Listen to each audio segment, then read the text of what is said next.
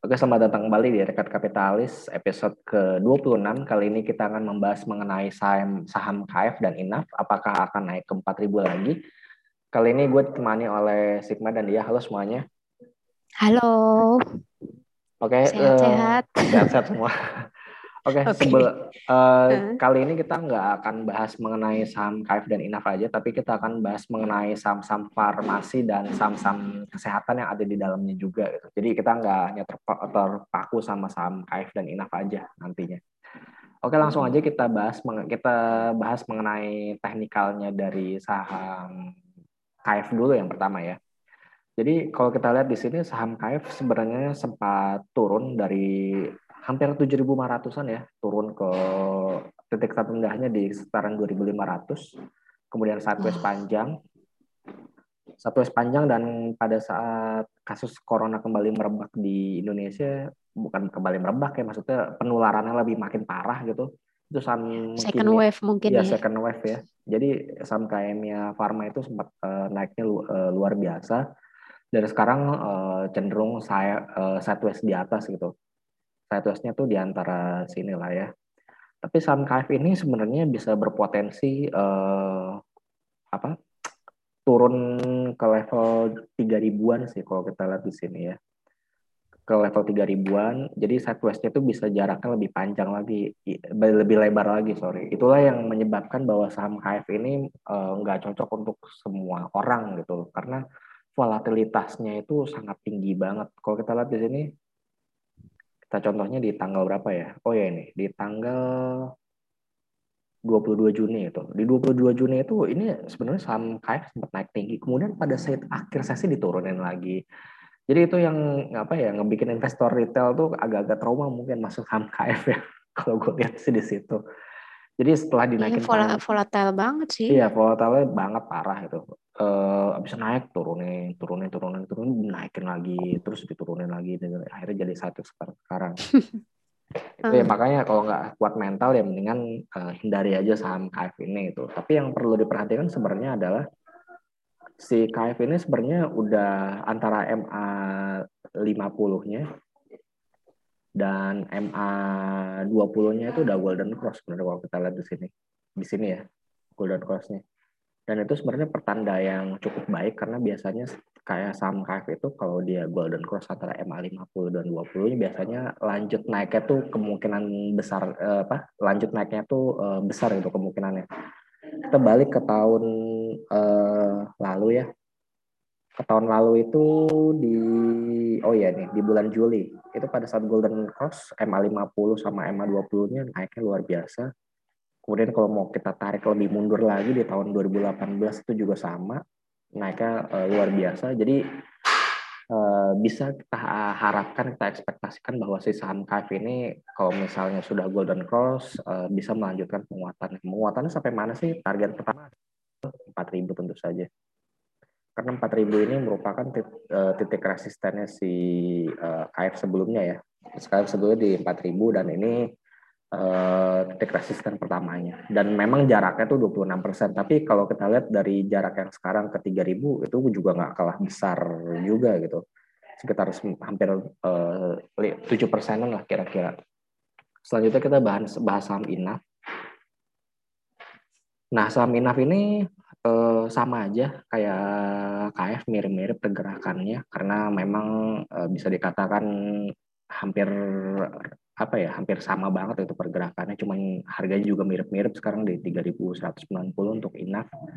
INAF nih juga sama udah golden cross MA 20 dan 50-nya. Bahkan si MA 20-nya ini sudah melewati MA 100-nya itu justru tanda yang cukup bagus. Kalau misalnya si INAF ini mampu bertahan di area 3000-an, itu bagus sebenarnya. Kalau misal dia berarea uh, bertahan di area tiga ribuan, maka si INAF ini bisa ber, apa bisa melanjutkan penguatannya sama kayak si KF ke empat ribuan. Tapi balik lagi tentunya volatilitas antara INAF dan KF ini hampir sama aja gitu dan bahkan pergerakannya mungkin bisa ekstrim gitu. Jadi harap berhati-hati untuk masuk saham KF dan INAF.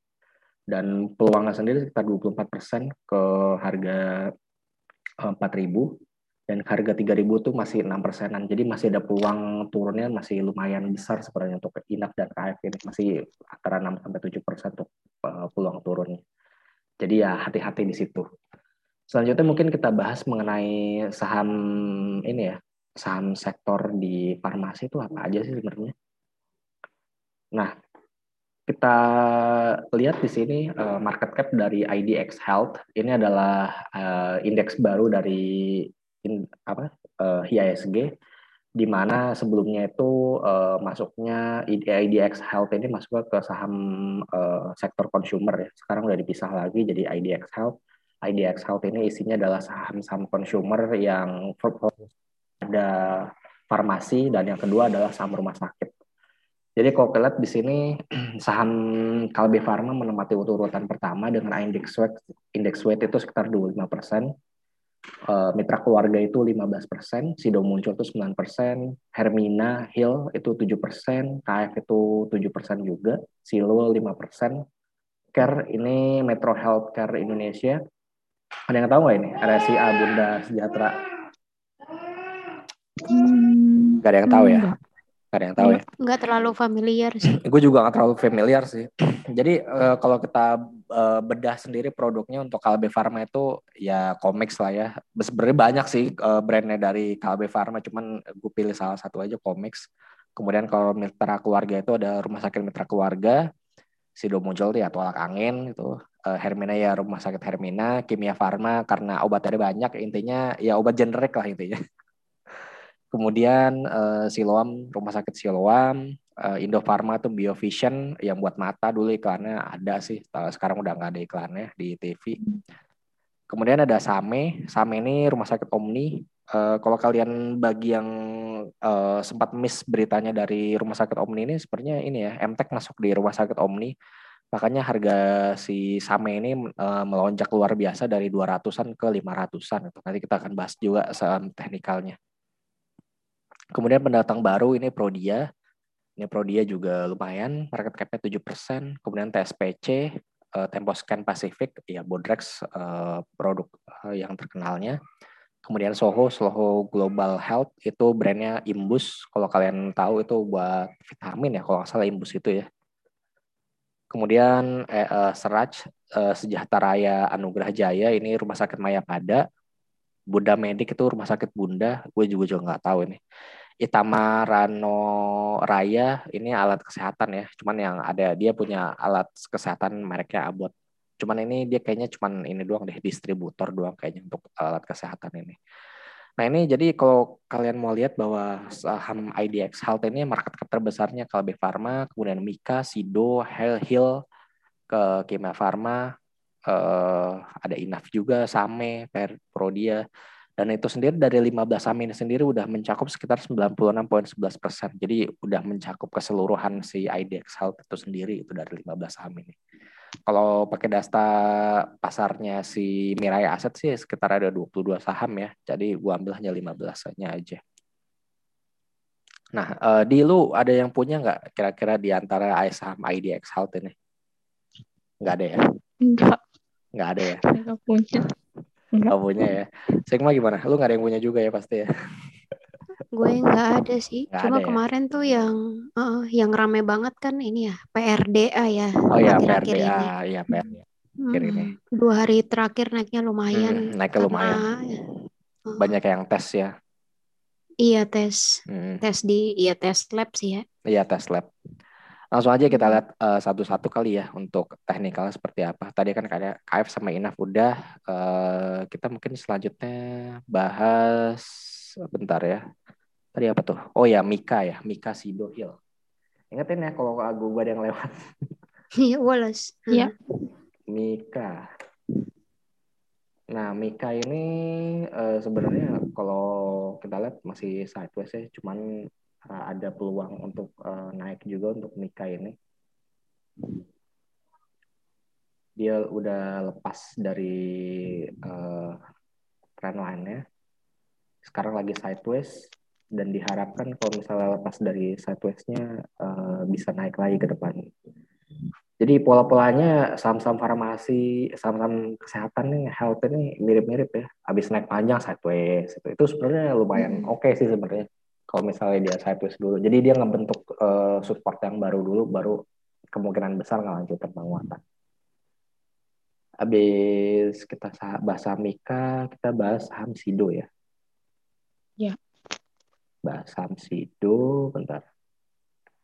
Sido apa sih lo? Sido, Sido, Sido. Sido. Sido dulu. Sido ya. Betul kan? Ya, Sido. nah, Sido ini apa ya? Sideways juga, cuman sekarang lagi apa? Udah lewat dari supportnya, supportnya di 720-an ya kira-kira di sini. 710 lah.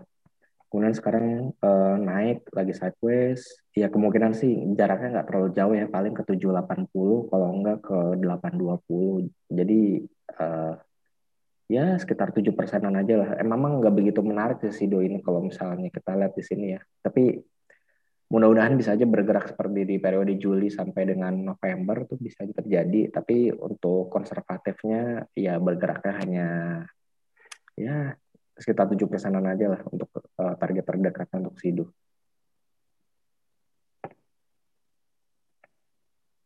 Selanjutnya tuh apa? Oh, eh, terus Hell. Hill ya. Hill, Hill. Hermina, Hermina. Selanjutnya kita bahas Hermina. Wow. Wow. Jadi ini sama nih. Apa? Uh, saham Hermina ini lepas dari ini ya fase sideways-nya Pada saat dia lepas dari fase sideways-nya langsung ngacir dari 4.800-an naik ke 6.000 sekarang harganya. Ini hmm. uh, bagus ya. Wah, wow, naik 22 persen lumayan banget yang punya saham Hill gitu. Iya 26 persenan lalu lumayan banget sih sebenarnya kalau mega, bisa megang gitu. Dan ini udah all time high-nya belum ya? Iya, all time high-nya ini. wow, mantep, mantep, mantep, mantep. Jadi uh, kalau misalnya si saham Hill ini mau ngelanjutin penguatannya ya, jadi harusnya sih si saham Hill ini sideways dulu di sini ya, maksudnya di antara sideways dulu. Kalau masih ngelanjutin penguatannya sih, uh, gue kurang berani masuk sebenarnya untuk saham Hill karena dia belum belum ada sasi apa, belum ada fase sidewaysnya, masih lanjut terus naik dan jauh banget dari apa, dari moving average 20 itu jauh banget itu, nggak begitu deket. Jadi kalau misalnya pun koreksi takutnya uh, koreksinya lumayan dalam. Selanjutnya saham silo ya. Iya silo. Uh, saham silo. Pusat saham silo. Bentar. Gila juga saham silo. Tapi ngeri ya, walaupun ada sideways gitu tapi dia masih naik juga tapi menarik sih Silo ini sih maksud gue apa ya dia ini sideways cuman uh, udah mau berusaha mau lepas dari fase sideways jadi dia loh di maksud gue ini yes. dan kayak gini tapi mengerikan enggak ini deket apa? Deket M dekat moving average 20 nya sih. Nggak begitu tuh jauh-jauh amat. Lu lu ngerinya ini ya jatuh ke sini lagi itu ya? Enggak lah. Iya gue ngerinya. Belum belum. Kecuali kalau apa kasusnya udah menurun jauh nah itu mungkin baru tuh turun lagi. Tapi si si Silo ini overall uh, dalam jangka menengah sih sama masih, masih ada. uptrend. Uptrend ini iya ya, benar justru bagus dia saya tuh di sini jadi kenaikannya tuh kalau naik ke atas bisa solid gitu selanjutnya care ini gue juga baru tahu nih care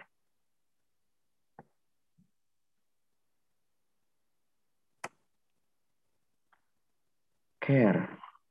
Uh, ini ya baru IPO Maret 2020. Wah, sial juga dong dia. Maret pas ada corona ya. Uh, sahamnya sih masih hmm, apa ini ya? Ini fluktuatif banget nggak sih? Iya, dia jarak apa sih dalam sehari tuh geraknya lebar gitu ya range-nya kalau bisa dibilang.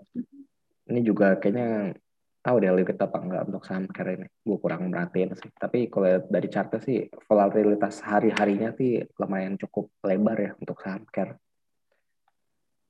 Hmm, saham care gue kurang ini sih. Maksudnya eh, belum ada lonjakan yang lumayan besar gitu karena sahamnya juga baru tahun lalu IPO jadi belum bisa terlalu dilihat banget.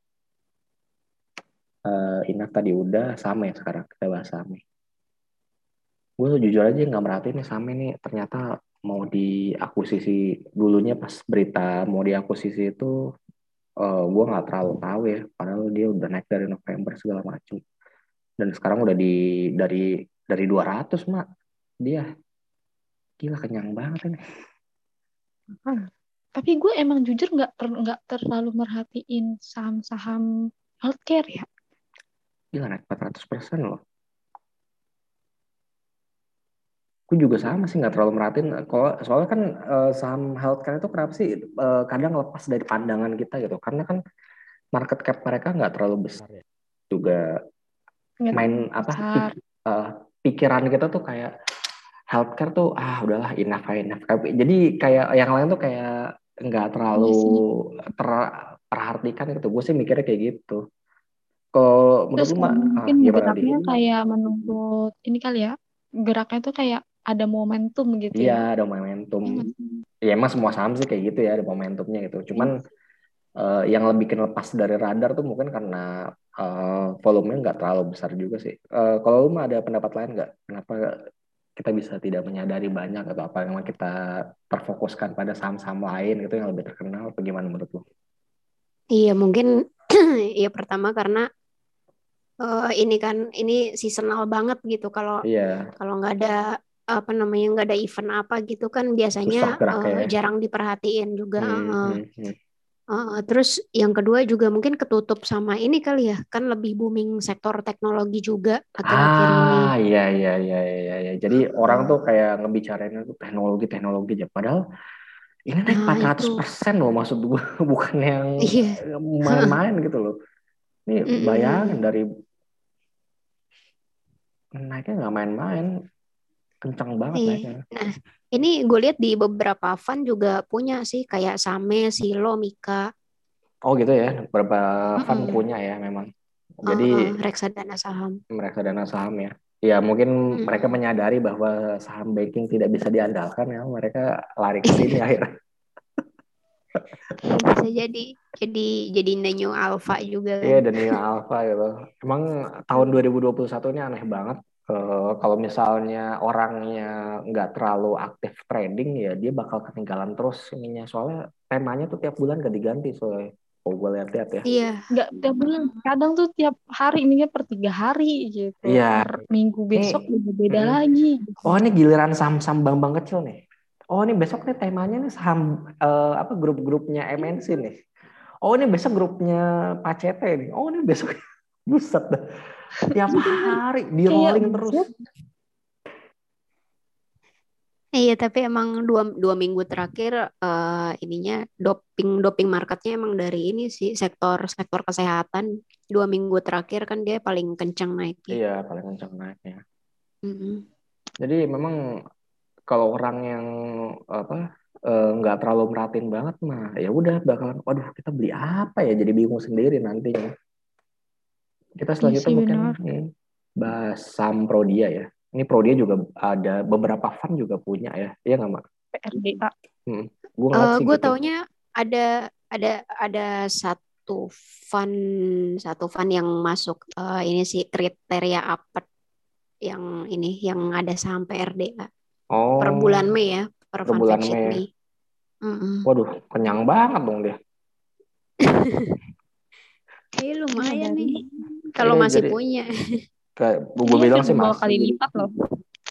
Jadi di 4.500, wah 62 persen ya kira-kira naik naiknya lumayan banget.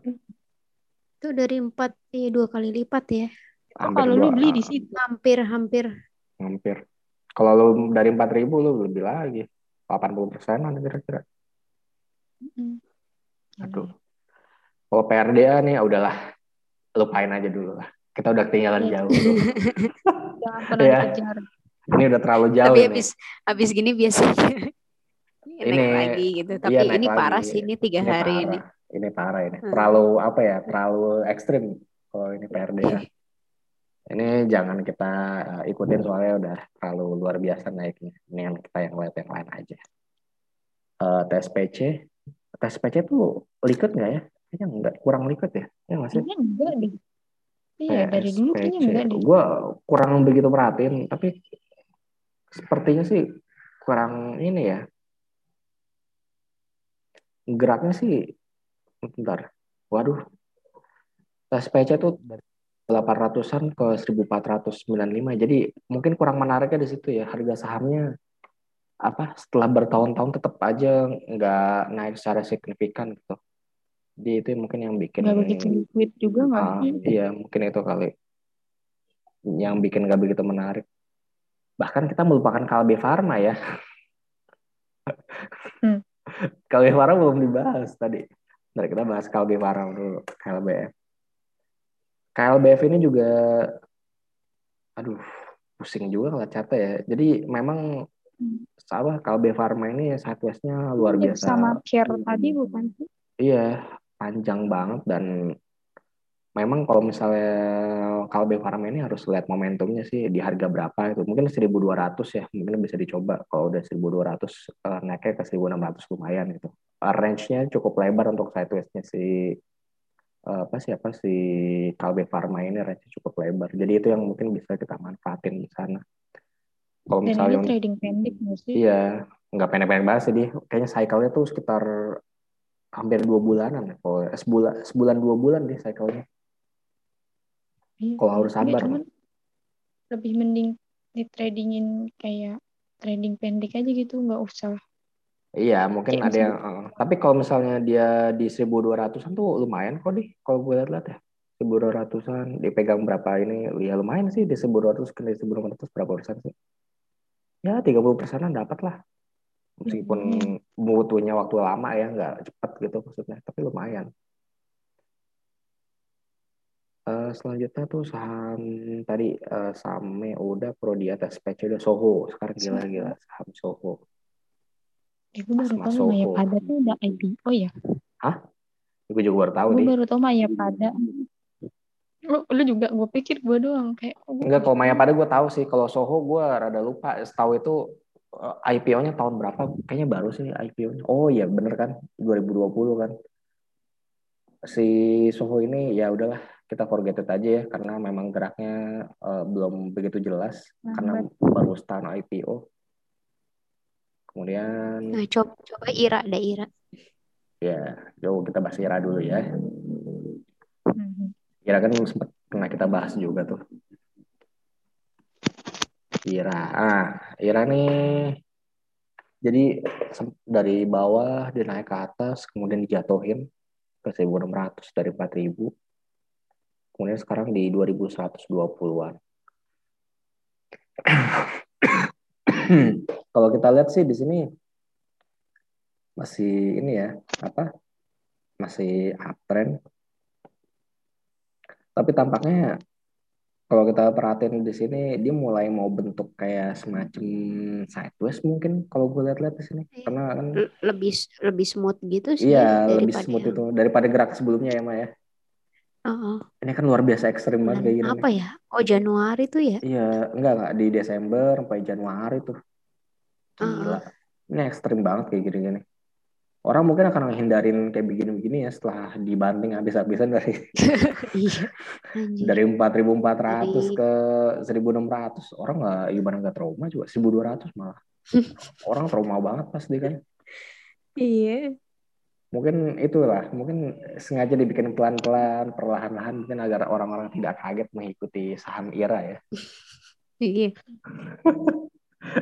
Gue sejujur gue gak punya saham IRA jadi uh, tapi tampaknya ini mau bentuk sideways dulu sih mirip kayak polanya si Inaka uh, eh, kalau dugaan gue nggak salah ya selanjutnya kita bahas mengenai Tadi, oh, Seraj, Mayapada ya. Kita bahas saham Seraj, Mayapada.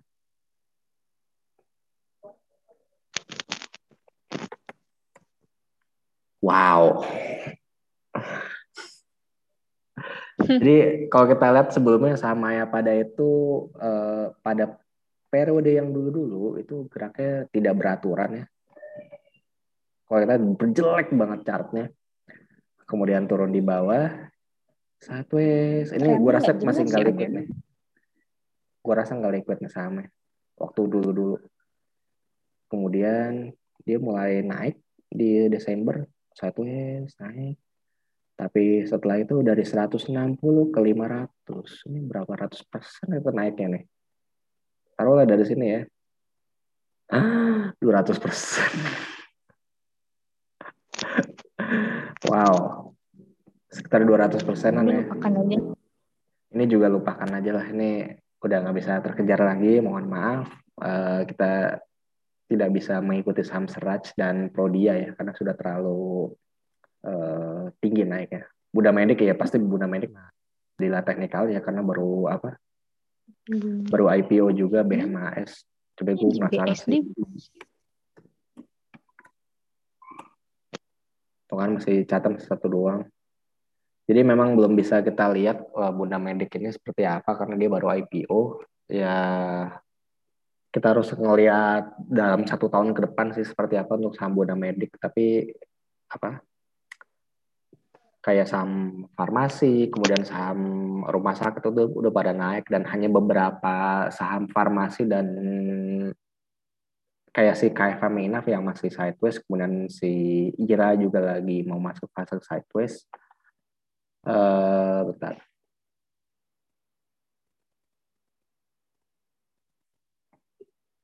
Kemudian saham dari sorry saham dari ini ya Soho. Yang kayaknya yang perlu kita perhatikan menurut lu uh, sama apa aja nih? Uh, coba Sigma sama dia lu ada pendapat nggak yang dari teknikal yang tadi yang kira-kira kira mana kalau yang sih gimana ya? Apa? ini kan kalau uh, saham-saham kesehatan ini menurut gua kan kayak uh, ya kita buat buat trading aja gitu ah, kan. buat juga buat trading, bukan untuk disimpan dalam jangka yang panjang. Kira-kira lu uh, bisa yang diperhatiin yang mana kira-kira gitu? Kayaknya kalau topik gue mungkin same ya tadi ya. Same ya. Iya, hmm. same same same. Kalau lu di? Sama same, tapi kayaknya Hill juga menarik bukan si An tadi. Apa gue salah? Uh, bentar ya. Ih, coba aja lihat. Loh, kok nggak bisa? Ya, bentar ya.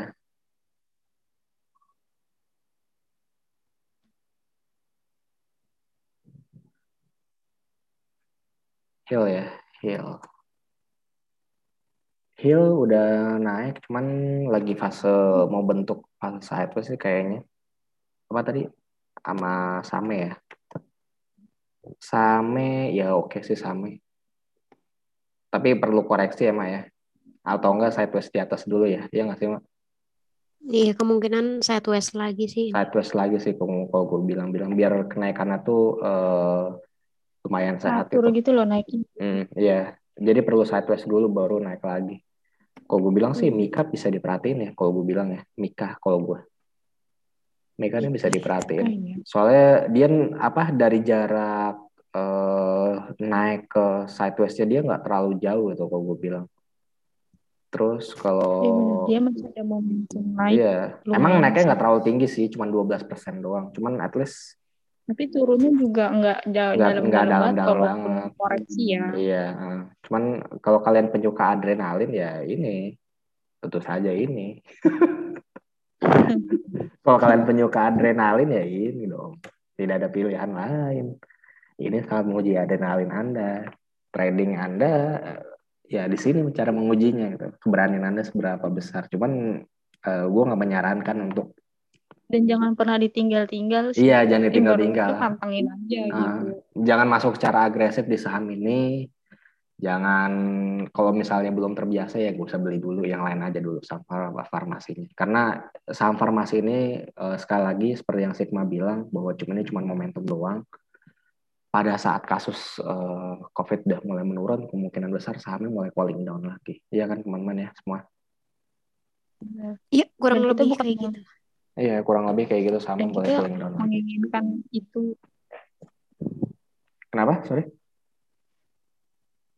dan kita menginginkan uh, ini sih sebenarnya kasusnya menurun gitu. Jadi Nah, itu yang bisa bukan kita bukan bukan hmm, itu apa ya maksud gue bukan yang berarti kita uh, bergembira di atas penderitaan orang. Oh, enggak, enggak. Kita enggak gitu. Maksudnya ya ini hanya trading saham aja itu bukan berarti kita bilang kasusnya terus uh, tetap naik segala macam. Karena ya biarpun kasusnya naik terus pun nggak semua saham ini akan naik terus juga itu pasti akan ada turun-turunnya juga nggak mungkin dia akan naik terus itu aja logikanya nggak ada logikanya atau malah atau malah bisa aja kalau apa pas kasusnya udah turun sahamnya baru naik lagi bisa aja kayak gitu ya namanya apa eh, pergerakan jual beli saham ya itu tergantung dari pasarnya kayak gimana, bukan berdasarkan dari sentimennya aja itu. Meskipun ya sebagian besar sentimennya bergerak pada saat kasusnya naik gitu. Cuman kita bertiga berharap bahwa kasusnya di Indonesia cepat turun biar rumah sakit kita balik ke kondisi normal lagi, orang Indonesia juga balik ke kondisi yang normal lagi. Mungkin itu aja yang dari Betul, kita. kehidupan kita normal lagi. Ya, kehidupan kita normal lagi. Kondisi keluarga kita bisa normal lagi. Mungkin itu aja dari gua, uh, Farhan, uh, dari Sigma dan dia. Jangan lupa untuk like dan subscribe akun YouTube dari Rakyat Kapitalis. Jangan lupa untuk follow Twitter kita di Rakyat Kapitalis. Kalau ada pertanyaan bisa email kita juga di rakyatkapital.com. Uh, kita akan berjumpa kembali di episode berikutnya. Bye-bye. Bye.